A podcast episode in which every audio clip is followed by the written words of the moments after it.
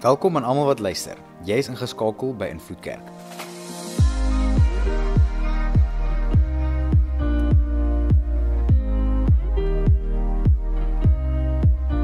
Vir die volgende paar minute gaan jy luister na een van ons boodskappe. Ons glo en vertrou saam met jou dat jy die Here sal beleef daar waar jy is. Geniet dit. So lekker om almal te kan sien. Ek is bly julle is hier so. Ek neem aan vandag of hierdie week was ons almal bietjie op 'n kafeïen dieet, nê, nee, met hierdie koue wat verby is. Ek weet nie of jy al meer as meer as gewoonlik koffie gedrink het hierdie week. Ja, ek het verseker. Maar julle is lekker om almal hier so te kan sien. Ek hoop regtig waar dit gaan goed met julle. Ons is besig met hierdie reeks en ons het laasweek hiermee begin. As jy nie laasweek hier was nie, wil ek jou regtig aanbeveel op ons aanlyn platforms te gaan inloer na die preek. Is vandag aanlyn en beskikbaar. So die reeks wat ons mee besig is, is suiwer geloof. Nou met die aanlyn beskikbaarheid daarvan, net bietjie inligting daaroor. Ons gaan ons dienste nou weer 'n week later aanlyn behou laat bly. So indien mense nie opdag by ons dienste nie, mag steeds die reeks wil volg. Jy kan dit volg aanlyn. Dit gaan net 'n week later wees, maar so ook is daar 'n 'n podcast wat begin het. So op 'n klomp platforms op Apple Podcast of Google Podcast of wat ook al jy aan kan dink, ons preek is daar ook beskikbaar. Die groot rede kom ons hierdie nou weer bewerkstellig is 'n klomp redes, maar waarvan een ons het die laaste keer ons gesê het ons gaan net in persoon dienste doen. Goeie terugvoer en slegte terugvoer gekry want so baie mense van oral af, maar ek praat van oral, van die Kaap, van die Oos-Kaap, Wes-Kaap, Potchefstroom, Bloemfontein, Pretoria, Alberton, klomp mense het ingeloer by ons dinge en baat gevind by juist dit wat God doen by ons gemeente en hulle het dit gemis. Kan ek vir jou sê hoeveel beradings ek al gedoen het oor die foon vir mense buite in in, Mpumalanga nie. So ons het besluit, weet jy wat, as die Here dit gebruik, ons dit net vir een seël, dan doen ons dit. So so julle is welkom om dit aan te stuur en te gebruik, maar kom ons kom weer by vandag se reeks. Laasweek net om op te tel, het ons een hoofgedagte gehad. En hierso was dit. Ek weet nie of julle kan onthou nie, maar God begeer nie groot geloof nie. Hy begeer suiwer geloof. Dit dis die Here se hart. En baie keer in die Afrikaanse kultuur is ons baie keer hierdie vir mekaar vra, nê? Of vir mekaar dalk sê, jou geloof is nie groot genoeg of jou geloof is nie sterk genoeg nie. Mens voel geïntimideer deur daai sin want en baie keer voel ek gaan deur 'n situasie, o, oh, maar ek het hierdie geloof om hierdie deur te maak nie of nie die geloof dat die Here my kan seën of nie genoeg geloof sodat hierdie berg kan verskuif soos ons altyd daaroor praat nie. Maar wat die Here eintlik begeer, is suiwer geloof. En Petrus is seker een van die beste voorbeelde wat vir ons kan wys wat is die verskil tussen hierdie. Onthou julle toe Petrus uit die boot uit geklim het op water geloof het, geloop het, geloof het, hy het meer gesloof op die water as geloof, maar onthou julle daai storie? Hy klim uit die boot, hy's die ou met die groot geloof, nee, die enigste disipel wat die God sê om uit die boot uit te klim en te doen om naby die Here aan te kom, maar net soveel geloof soos hy gehad het, net soveel groot geloof hy gehad het, net soveel groot twyfel het hy ook binne hom gehad.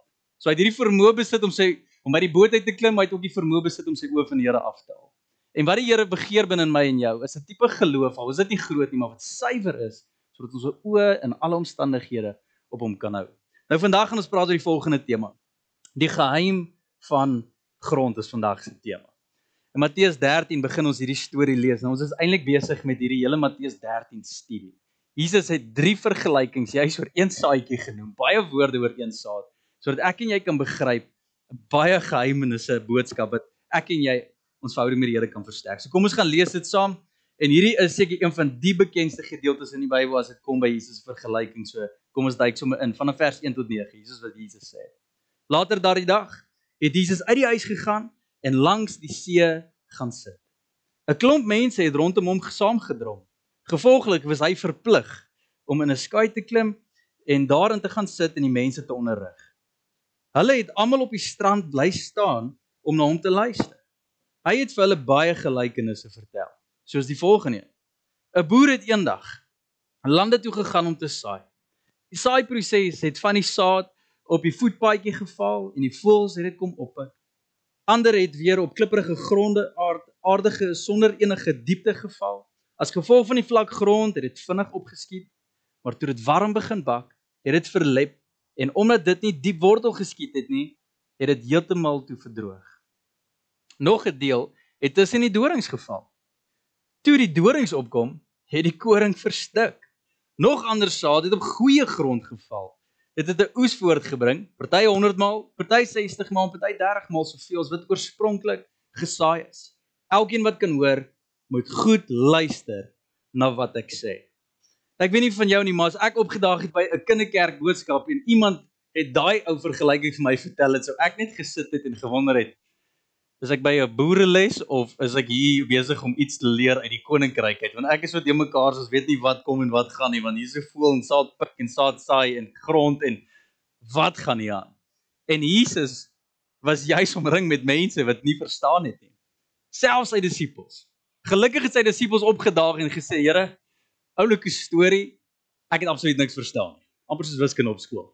Klink great, ek kan dit nie self doen nie. Jy weet, dis een van daai daai hele scenario's en gelukkig verduidelik Jesus toe vir hulle wat presies hy bedoel het met hierdie vergelyking. So kom ons gaan pak bietjie hierdie vergelyking uit. En en hierdie is interessant. Want Jesus het heel eersins gesê, eendag het 'n boer gegaan na die lande toe en hy het begin saad saai. Eendag. En hierdie saad wat gesaai is, is die vergelyking van wanneer God met my en jou praat. Dis wanneer God begin my en jou iets in ons lewens begin doen. Iets in ons harte begin kweek, 'n droom, 'n 'n gawe dalk, 'n situasie wat hy jou begin voorberei sodat jy 'n impak kan maak. God is besig om iets in jou lewe te doen, 'n saadjie te saai. En wat interessant is, dit gebeur eendag. Nou ek is mal oor hierdie hierdie woorde wat Jesus altyd gebruik. Hou dit so in die lig, veral in hierdie vergelyking. Jy gaan nou sien hoe meer praat en net so bietjie in die duister. Maar ek is mal daaroor. Want dis hoe God my en jou nog steeds werk. Eendag. Eendag toe jy op pad was Superspar toe om net inkopies te gaan doen, het toe begin die Here iets in jou binneste fluister. Het met jou gebeur? Dat meeste van ons is dit net, hy wees geduldig. hy moet ry is 'n lang ry, moenie omdraai na huis toe gaan nie, gaan koop jy inkopies wat jy vrou vir jou gestuur het. Wat ook al dit mag wees, maar die Here kan op eendag op 'n tyd wat jy dit nie verwag nie, op 'n geleentheid wat jy nie eens gesien kom het nie, deur 'n persoon wat jy nie eens van geweet het nie, kan die Here net iets kom sê, iets kom fluister wat die hele wêreld begin oopbreek in jou binneste eendag. En miskien op pad vandag hiernatoe. In Invloed Kerk is hierdie vandag 'n dag waar die Here dalk 'n saadjie kom saai in jou binneste. En dan sê Jesus, gebeur daar vier verskillende scenario's met wat gebeur met daai saadjie. En hierdie is interessant. Die saad word gesaai, God begin iets doen, maar net omdat God iets begin doen het, beteken dit nie dit was suksesvol nie. Hierdie is groot. Ou nou dag spot iemand my en sê maar hy, jy sê soos daai sin elke keer in jou preek. Jy weet dit is groot. Maar dit is groot. Want Jesus kom en hy gee die geheim vir my en vir jou hoe om vrug binne in my en jou lewe te kry, om juist dit wat God besig is om te doen, optimaal suksesvol te kan bereik. Dit is nie deur wat hy doen in jou lewe nie, maar dit is deur wat jy doen met wat hy doen in jou lewe. Hoor mooi. Dit gaan nie oor die die saadjie wat gesaai is nie. Dit gaan oor die grond waarin dit geplant is. Die geheim is die grond, nie die saad. Ek kom ek vertel ek in hierdie woorde. Jou vrugte in jou lewe wys nie die krag van God se woord nie. Dit wys net die toestand van jou hart. Het al mense beleef en gesien wat so vol van die Here voorkom? Dit is die vrugte in die lewe. Hulle is vriendelik, hulle is geduldig, hulle is liefde, hulle is sagmoedigheid homself, nederig. Hulle hulle is alles wat 'n mens eintlik droom om te wens. Hulle het hierdie vrugte in hulle lewens en 'n mens dink, "Wow, daai persoon moet so naby aan die Here beleef. Daai persoon moet so baie dinge hoor van die Here." In konteks van hierdie vergelyking, hy moes al so baie saadjies in sy lewe beleef het, né? Maar maar dis nie die waarheid nie. God werk met elke liewe kind van hom. Elkeen. Hy praat met hulle, Hy saai oorgenoeg saad in hulle lewens in. As ek en jy nie vrug sien nie, beteken dit nie dit wat God gesaai het was nie kragtig nie. Dit beteken net die grond waarop dit geland het was nie gesond. En vandag kom Jesus en hy gee vir ons die geheim in my en jou verhouding met hom. Dit gaan nie oor wat hy doen of wat hoeveel hy saai of God is besig in jou lewe. Al as jy 'n optimale verhouding met hom wil sien, beleef en selfs wil wil sien hoe gebruik hy jou, kyk wat's die toestand van jou hart. Onthou julle wat Jesus gedoen het vir die 10 melate manne? Hy loop eendag buite die stad. Hier's ons 10 manne en hulle is nie op 'n goeie plek nie, melaats en sê dit gehad het, dit was 'n siekte waarvoor daar nie genesing was nie, medisyne was, jy kon nie behandel word nie. So jy was uit die dorp uitgesit. Jy moes al buite bly en jy het jou eie gemeenskap al buite gehad. Jy moes jou vriende gehad het en alles dit met melaatsheid. En as jy 'n melaatse ou gesien het, moes jy so ver as moontlik weghardloop, want as jy dit het, dan word jy 'n uitskieter in die samelewing. Jesus kom by hierdie ouens en ons hierdie gemeenskap, klein gemeenskap van 10. En Jesus genees altyd. Hy doen iets in hulle lewens wat ewe sterk is in almal se lewe. Maar hoeveel van daai ouens kan jy onthou wat teruggedraai en dankie kom sê? Net een. Hoekom? Is dit omdat God daai ene meer genees het as die ander? Nee. Dis omdat daai ou se hart anders was as die ander. En vandag kom ek na ons almal toe en ek vra vir ons hierdie vraag: Hoe lyk jou hart deesdae? Of grond, of watter tipe grond val die saad wat die Here vir jou gee? So die jou eerste tipe grond wat Jesus vir ons gegee het, is in Matteus 13 vers 9 en 12. Lees ek van vers 9 af waar hy verduidelik vir die disippels wat presies dit is en hy sê: Hulle by wie die saad op die voetpad gesaai is, dis elkeen wat die boodskap hoor van God se koninginneskap by, maar dit nie begryp nie. Die bose kom en roof wat in hulle harte gesaai is. Nou hierdie is eintlik 'n eenvoudige een om te verstaan. Jesus praat hier oor 'n harde hart, 'n voetpadjie hart.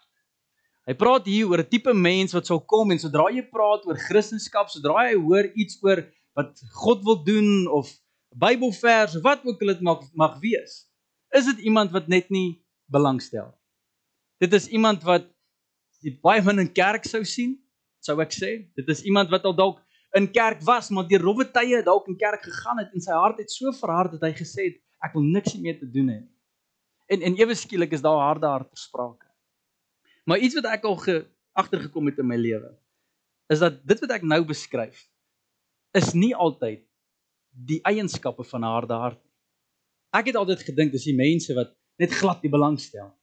Dis die mense wat net sal sê Christendom nie vir my nie, ek hardloop weg. Maar dit is nie. 'n Harde hart word geken deur 'n onbuigsame denkwyse. Dis die eienskap van 'n harde hart. 'n Onbuigsame denkwyse. Daar is so baie kinders van die Here wat soms meer 'n onbuigsame denkwyse, rigied in hulle manier is as mense wat nie die Here ken nie. Het julle al gesien al? Mense wat so hulle verhouding met God verraai het en verneek het met godsdiens dat hulle reëls afgod en kerk verafgod en dat hulle op 'n plek kom dat as God iets nuuts begin doen in hulle lewe in die samelewing en selfs 'n nuwe prentjie van kerk dan skop hy mense so vas trap brieke maat want ons kan nie nou die orgel skuif nie. Jy weet die harde hart in in die konteks van van die mense wat geluister het na Jesus en Jesus se bediening was nie die mense wat God nie geken het nie. Dit was juis die mense wat in die kerk gewerk het. Dit was die fariseërs. En vandag bring ek hierdie boodskap en hierdie punt na ons toe en sê weet jy wat is die grootste gevaar vir Christene? Dat ons so gewoond raak aan die boodskap van Jesus dat dit niks meer doen in ons harte nie. Dat ons opdaag by 'n diens En ons kom sit net en ons kom sing net en ons doen net wat ons doen. Ons gaan deur die emotions want dis wat Afrikaners behoort te doen. Ons kom kerk, ons maak jou kinders Christelik groot, maar binne in jou eie hart gebeur daar niks. Jy stap uit van 'n plek waar die Here met jou gepraat het. En daai voeltjie kom en hy pik hy saad op en jy dink nooit aan daai boodskap nie. Dis wat gebeur. Hoeveel keer my in jou lewe? 'n Groot vraag op hierdie punt. Hoeveel boodskappe het jy al gehoor wat die Here al met jou kom praat het of dit die Bybel is of kerk is of dalk vriende is. Hoeveel van daai boodskappe, as jy dit nou moet vergelyk, hoeveel jy al gehoor het, hoeveel van daai boodskappe het al uiting gekry iewers in jou lewe? Het al vrug opgelewer, het al dade geword, jou karakter gevorm, jou denkwyse gevorm, gewoontes gevorm. Hierdie statistiek dink ek sou ons almal skok as ons regtig moet kyk na vir al die Afrikaners. Want ek dink ons kennis oor die Here is daar. Ek doen ons ken versies en ons doen Bybelstudie en ons is al deur kerk en ons doen veel preke gehoor. Ons inligting is hoog. Maar as dit kom by wanneer ons geloof getoets word en wanneer ons regtig moet uitleef, dan loop ons 'n bietjie van balans af. En Jesus kom en hy sê baie keer is dit die harde hart wat dit veroorsaak. Maar dan kom ons gaan verder. Jesus praat dan oor oor die tweede stuk grond in Matteus 13 vanaf vers 20 en hy verduidelik en hy sê hulle by wie op klipprige grond gesaai is is mense wat die boodskap hoor en dit dadelik met blydskap aanneem, maar hulle wortels gaan nie diep nie en hulle hou net vir 'n rukkie. Sodra daar swaar kry of vervolging ter wille van die boodskap kom, struikel hulle in hulle geloof. So die die eienskap van die klipprige grond is dit hou nie. Dit hou nie. Hierdie is mense wat sal opdaag en regtig opgewonde is oor hulle verhouding met die Here. Hierdie is mense wat wat regtig moeite begin doen in hulle verhouding met die Here. Mense wat soek na die Here, mense wat 'n poging aanwend en en regtig iets probeer doen sodat daar vrug kan wys in hulle verhouding met die Here, maar as hulle weer hulle oë uitvee, dan is hulle weer in die wegspringblokke. Want hulle alles wat hulle gebou het en oor gebid het net in 'n oomblik verloor of goed gedoen wat hulle net weer terug op posisie nommer 1. Hulle vergeet om te bid, vergeet van hulle gewoontes en dit is juis as gevolg van sê Jesus die klipprige grond. Want die boodskap was nie diep genoeg nie.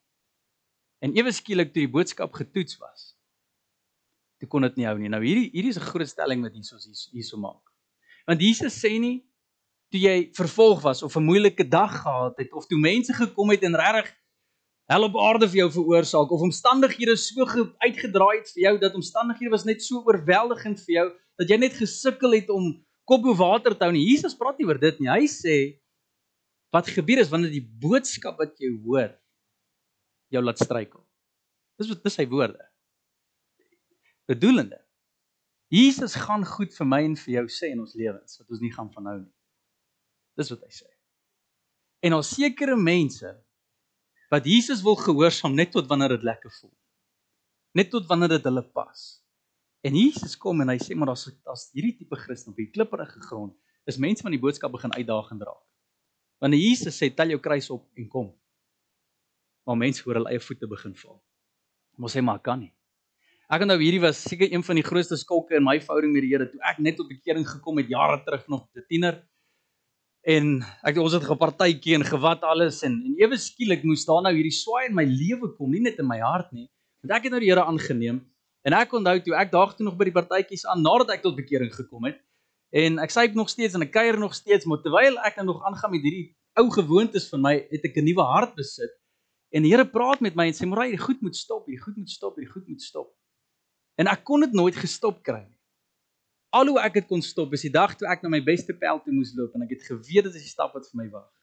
'n Pel wat ek van voorskool af al by lys al oor geslaap het. Ons kom al ons het groot saam groot geword. Dis die dag toe ek na hom toe moet stap en ek sê vir hom: "My vriend, ongelukkig gaan ek nie meer saam kan kuier nie."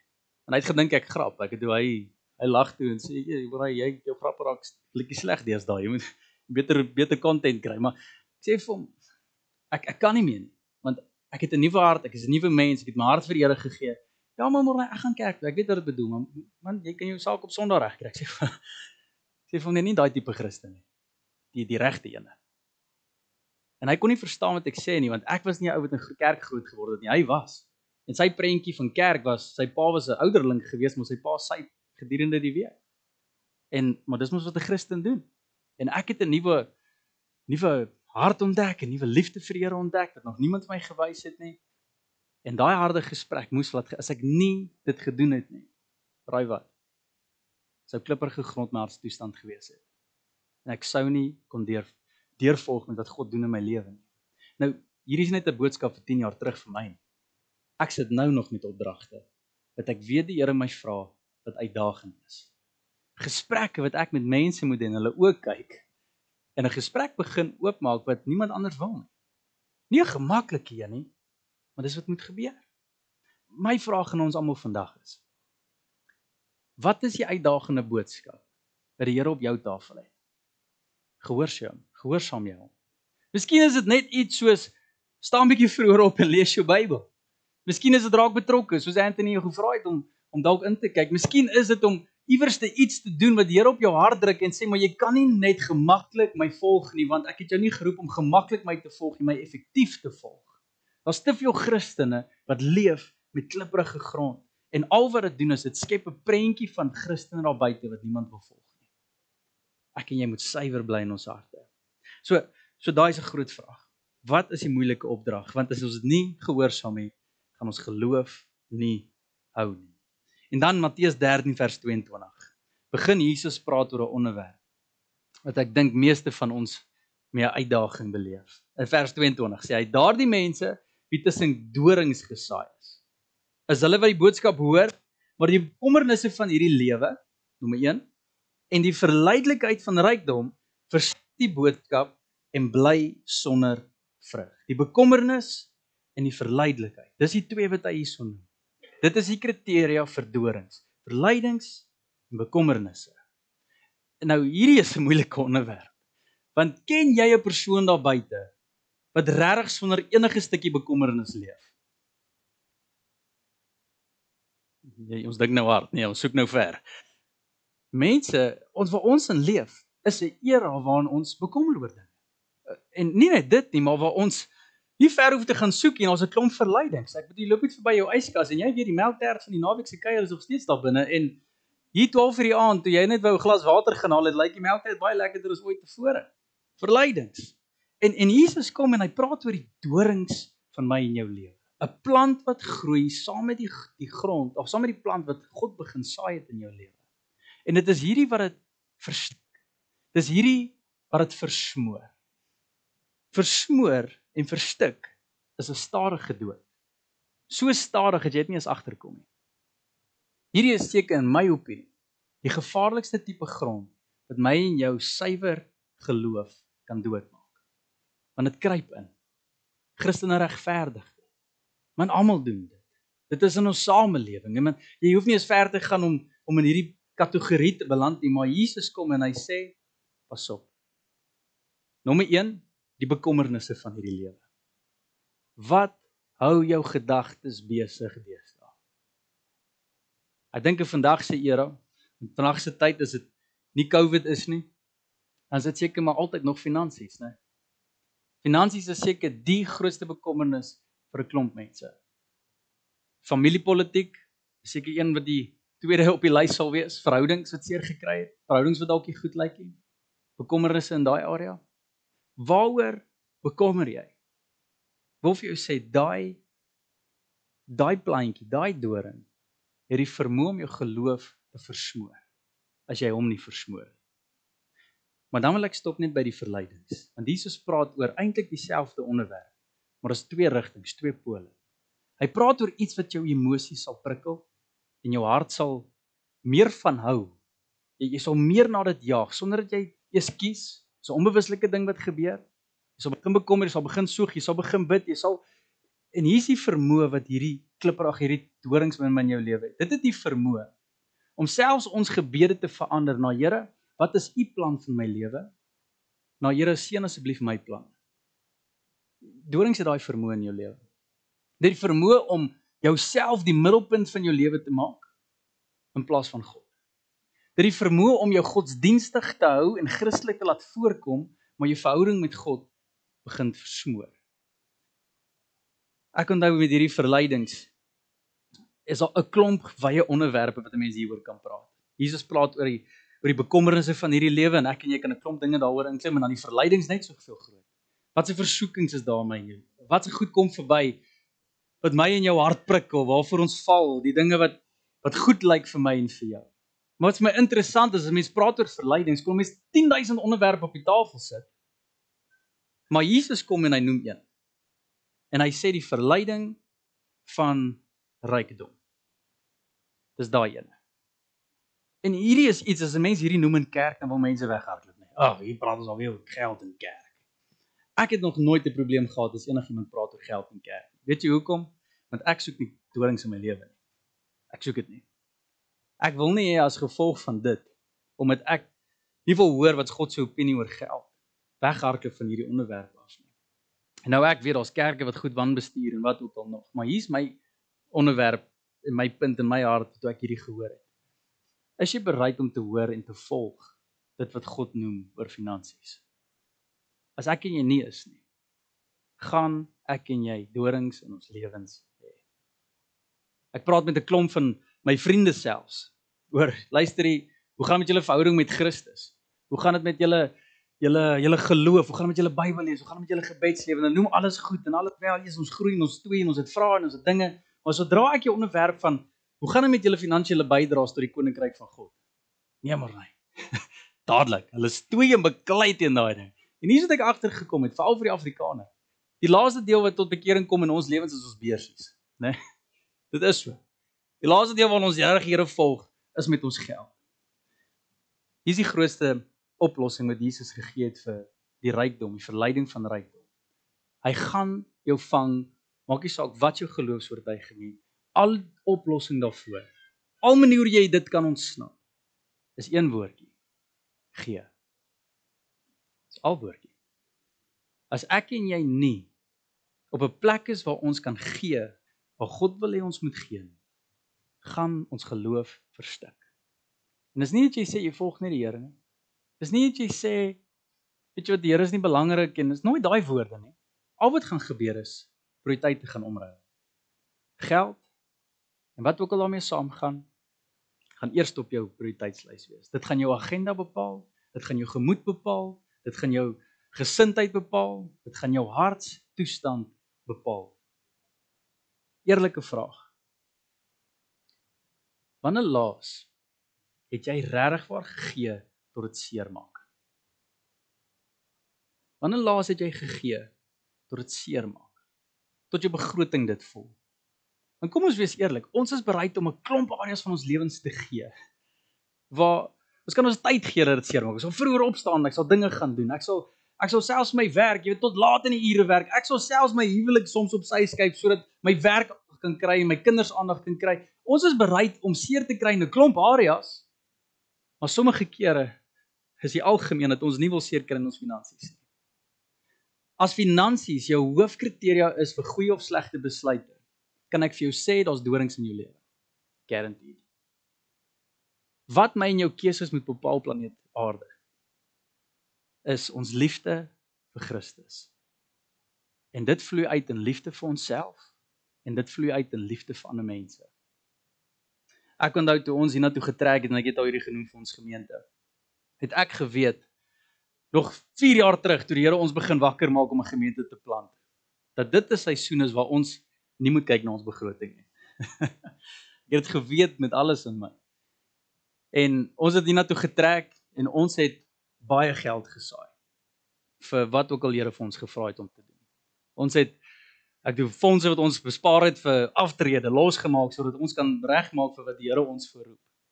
Ons het gegee dat dit seer maak. En selfs in hierdie tye waar ek en Stefanie al van vroeg in ons getroud is tot nou toe, het ons hierdie ding vir mekaar gesê. Ons sal altyd ons tiende betaal, altyd. Ek het dit vas neergesit. Ek en sy het dit saam besluit. En ons het tiendes betaal en dit het nie beteken dat daar genoeg geld was. Dit beteken as ons tiende betaal het, het ons brood geëet het en nie lekker kos geëet nie. Dis wat dit vir ons beteken. En ons het gekies om dit eerder te doen. Weet jy hoekom? Want ek het ek en sy het Jesus se opdrag regtig waar ernstig opgeneem. Dat ek begeer met alles in my om eerder met 'n suiwer hart rond te loop, eerder as met 'n suiwer beursie. Want my kinders word nie gevoed geestelik, kry nie karakter nie, word nie die mens wie hulle moet wees deur my beursie maar deur wie ek is die mense om my die gemeenskap van Nelsvry wie ons is dit gebruik die Here en as ek myself moet prystel net sodat my beursie moet sin maak sê Jesus die verleidings die bekommernisse het jou God geraak. Nie meer hy nie. Ons sop daarvoor. Nou ek praat nou groot stories uit my eie lewe uit. Net om dit op die tafel te sit van ek dink Jesus praat ernstig genoeg met my en jou dat ons hierdie gesprek moet verder vat by ons huise. Dat ons mekaar in die oë moet begin kyk en nie net praat oor waarheen ons kinders moet gaan en hoe lyk ons toekoms en hoe lyk die werk en hoe lyk Maar luister, waar gee ons? Waar gee ons dat dit seer maak? Wie seën ons? Wat seën ons? Hoe bou ons die koninkryk van God met dit waarmee hy ons geseën het? Groot onderwerpe. Nou volgende week gaan ek praat oor die goeie grond, maar ek wil hierdie boodskap begin afsluit. Deur een laaste gedagte oor hierdie hierdie alles wat Jesus genoem het. En my groot vraag was maar Here, as ons nou deur hierdie lewe gaan en die mense hart is bedrieg, ek sê die Bybel. Eendag het jy 'n goeie hart, volgende dag het jy klipprige grond, ander dag is dit weer is dit weer die dorings en die ander dag is dit weer 'n harde paadjie en 'n voetpaadjie en Here, hoe evalueer ons? Regtig waar wat se tipe hart ons het? Want as jy asof ons net in 'n speel kan gaan staan en jy sien ook nee, vandag lyk like ek bietjie soos 'n klip, so dit moet seker maar nou 'n voetbaadjie wees, jy weet. Hoe evalueer jy met wat se hart jy rondloop? En lank het ek vir jare terug, toe ek veral in die jeug was, het ek kriteria vir die mense begin uitdeel. Ek sê vir hulle luister jy klipprige hart, hier is wat na moet kyk. As jy hierdie simptome wys, ou maar dan's daar gevaar. En dan vir hierdie tipe hart, dan moet hierdie tipe kriteria kyk en hiersoos En ek het agtergekom Jesus het baie duidelik nie oor kriteria gepraat sodat jy moet uitvind wat se hart jy het nie. Hy het gepraat oor 'n saaier wat op pad was na die lande. Hy was op pad na die lande. En in die proses na die lande toe het daar saad geval. Van dit op die voetpaadjie, van dit op die klipprige grond, van dit tussen die dorings en van dit in goeie grond. Wat beteken dit? Jesus sê dit gaan nie oor jy moet jou eie hart ken nie. Dit gaan nie oor jy moet presies weet wat daar binne aangaan. Dit gaan oor is jou posisie reg? Dis waaroor dit gaan. Want die die saaier was op pad na die lande toe. So sy posisie was eers op die klipprige voetpad. Toe val dit daar. Maar hy was nog nie waar hy wou wees nie. En, en toe gaan dit verder en toe is hy by die die klipprige grond. Maar dis nie waar hy wou wees nie. Hy was nog op pad. En toe was dit by die dorings, nog nie waar hy wou wees nie, nog op pad. En toe kom hy by die lande. Die plek waar hy eintlik wou saai. En hierdie tref my toe net. Van ons stop op die verkeerde plekke. Want ons fokus is nie wat dit moet wees nie. Dis nie wie dit moet wees nie. As jy wil seker maak dat jy rondloop met die regte hart, een fokus en een fokus alleen. Is jy naby aan God geposisioneer of nie? Sal. Is Jesus nog werklik die middelpunt? Daai wat dan nou ons ingelei. Alles Here gaan oor U. U is alles vir my. Is dit is dit jou kreet? Is dit jou leefstyl? Is dit wat mense hoor? Is dit wat mense sien? As jy praat in gesprekke, wat kom uit jou hart uit? Waarvan die hart vol is, sal die mond oor. Wat kom uit jou uit? Hoe praat jy met jou geliefdes? Hoe hoe sal hulle praat van jou? Jou posisie. En as ek en jy dink, as ons net op Sondag op Invloed Kerk dalk opdaag en luister na 'n boodskap hier en daar, dalk 'n liedjie in ons kar luister en Here daar aanbid, dit is genoeg om ons net te posisioneer. Dis nie 'n nou en dan ding nie. Dis 'n konstante ding ek en jy word vandag uitgenooi sodat ons naby die Here kan bly. Psalm 51 vers 19 sluit ek mee af. Die offer wat U wil hê o God is 'n gebroke gees. 'n Gebroke en berouvolle hart sal U nie verwerp nie o God. Dis maar oor wat hierdie Psalm skrywer skryf en hy sê wat God begeer is nie 'n perfekte godsdiens nie. Dis nie groot geloof nie. Dis nie mense wat rondloop met inligting nie, dis nie mense wat sê ek gaan kerk doen wat wat God begeer is 'n regte hart en die regte toestand van die hart wat hy sê is 'n gebroke gees. Dit is interessant. Wat God begeer is iemand wat weet hoe nodig hulle hom het. Wat weet hoe afhanklik hulle van hom is.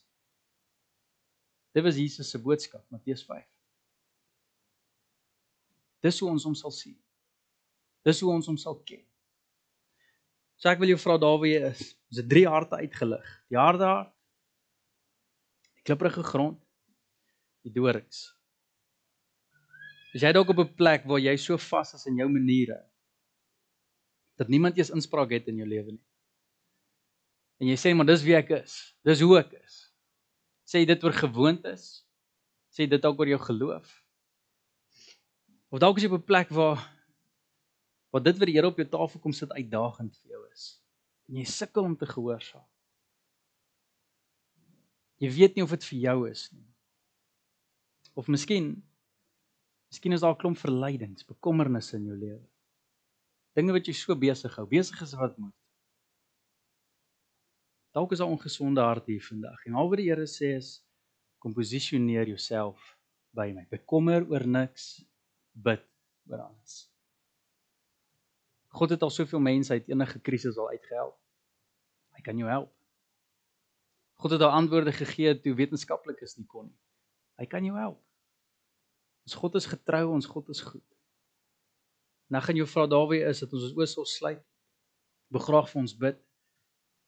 En terwyl ek vir ons bid wil wil jy nie net my woorde dalk jou woorde vandag maak en sê Here ek wil graag u krag in my lewe sien, die vrugte wat u van gepraat het in my lewe sien. Maar vir dit, Here, vra dat die regte hartstoestand.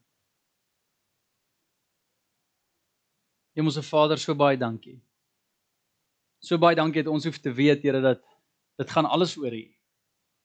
En soveel as wat ons dit bely, besef ons ook vanoggend, Here, as ons regtig waar optimale verhouding met U wil hê, moet ons regtig waar versigtig wees met wat in ons hart aangaan. Want dis die plek wat bepaal of God se woord regtig vrug gaan lewer of nie. So Here, eerstens eer ons U daarvoor dat U kom praat. Eerstens dankie vir al die saadjies wat U kom plant, Here. Dankie dat U nooit vir enige persoon daar buite nooit die saadjies weerhou nie. U saai en U saai in oorvloed, Here. Ek bid dat ons sal seker maak dat ons harte gesond is, Here. Here, dankie vir die drie harte wat U uitgewys het. Dat jy as die vyand probeer kweek binne in elkeen van ons sodat ons nie moet leef vir U nie. Sodat ons nie sal hoor wat U te sê het nie, Here. Sodat ons naby U sal bly. En ek bid Here dat dat ons vandag onderskeiding sal kry waar ook al ons harte mag wees. Vergifnis sal vra Here vir daai area wat ons dit toegelaat het, maar dan ook Here bid ek dat ons regtig waar net naby U sal bly. Hemelse Vader, en dit vat nie 'n groot gebed nie, dit vat nie hierdie groot geloof soos waarvan ons praat nie, Here, dit vat net opregtheid, 'n gebroke gees. Kry die prentjie van 'n strand wat al so warm gebak is en as jy so trap en kraakie sand onder jou voete. Hoe die Here daai prentjie nou kom bewerkstellig vir ons. Vader, dankie daarvoor dat U harde harte kom breek en kom sag maak, Here. Wie in die aard kom kom skep wat U graag wil hê ons moet inloop, Here. Ek bid jou eerstens vir ons as mans ook hier vandag, Here. Paas. Here dat ons die regte ondertoon in ons huisgesinne sal stel. Van die regte hartstoestand, Here.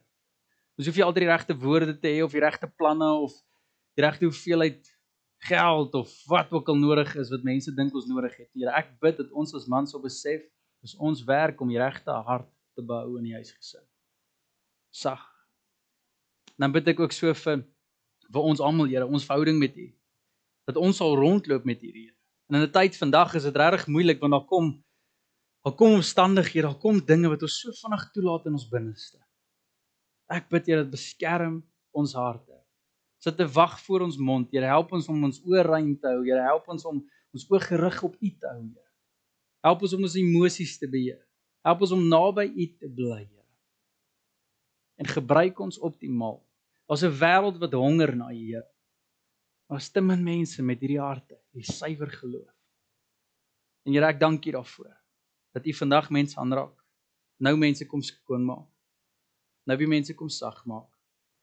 En Here, ek sien so uit na volgende week waar ons gaan praat oor 'n hart wat U kan doen met 'n hart wat reg is, Here. Here, so dankie daarvoor. In Jesus se naam bid ons daaroor. Saam ons sê saam. Amen. Dankie dat jy tyd geneem het om na die boodskap te luister. Indien die Here op jou hart druk om jou getuienis te deel of net om met iemand te gesels, gaan na ons aanlyn toonbank op ons webtuiste om kontak te maak. Dankie aan almal wat finansiëel bydra tot die bediening. As jy in jou hart voel om ook by te dra, besoek ons aanlyn toonbank vir maniere om te gee. By Invloed Kerk skep ons veilige spasies waarin jy die Here kan beleef, voel jy behoort en jou wêreld kan beïnvloed.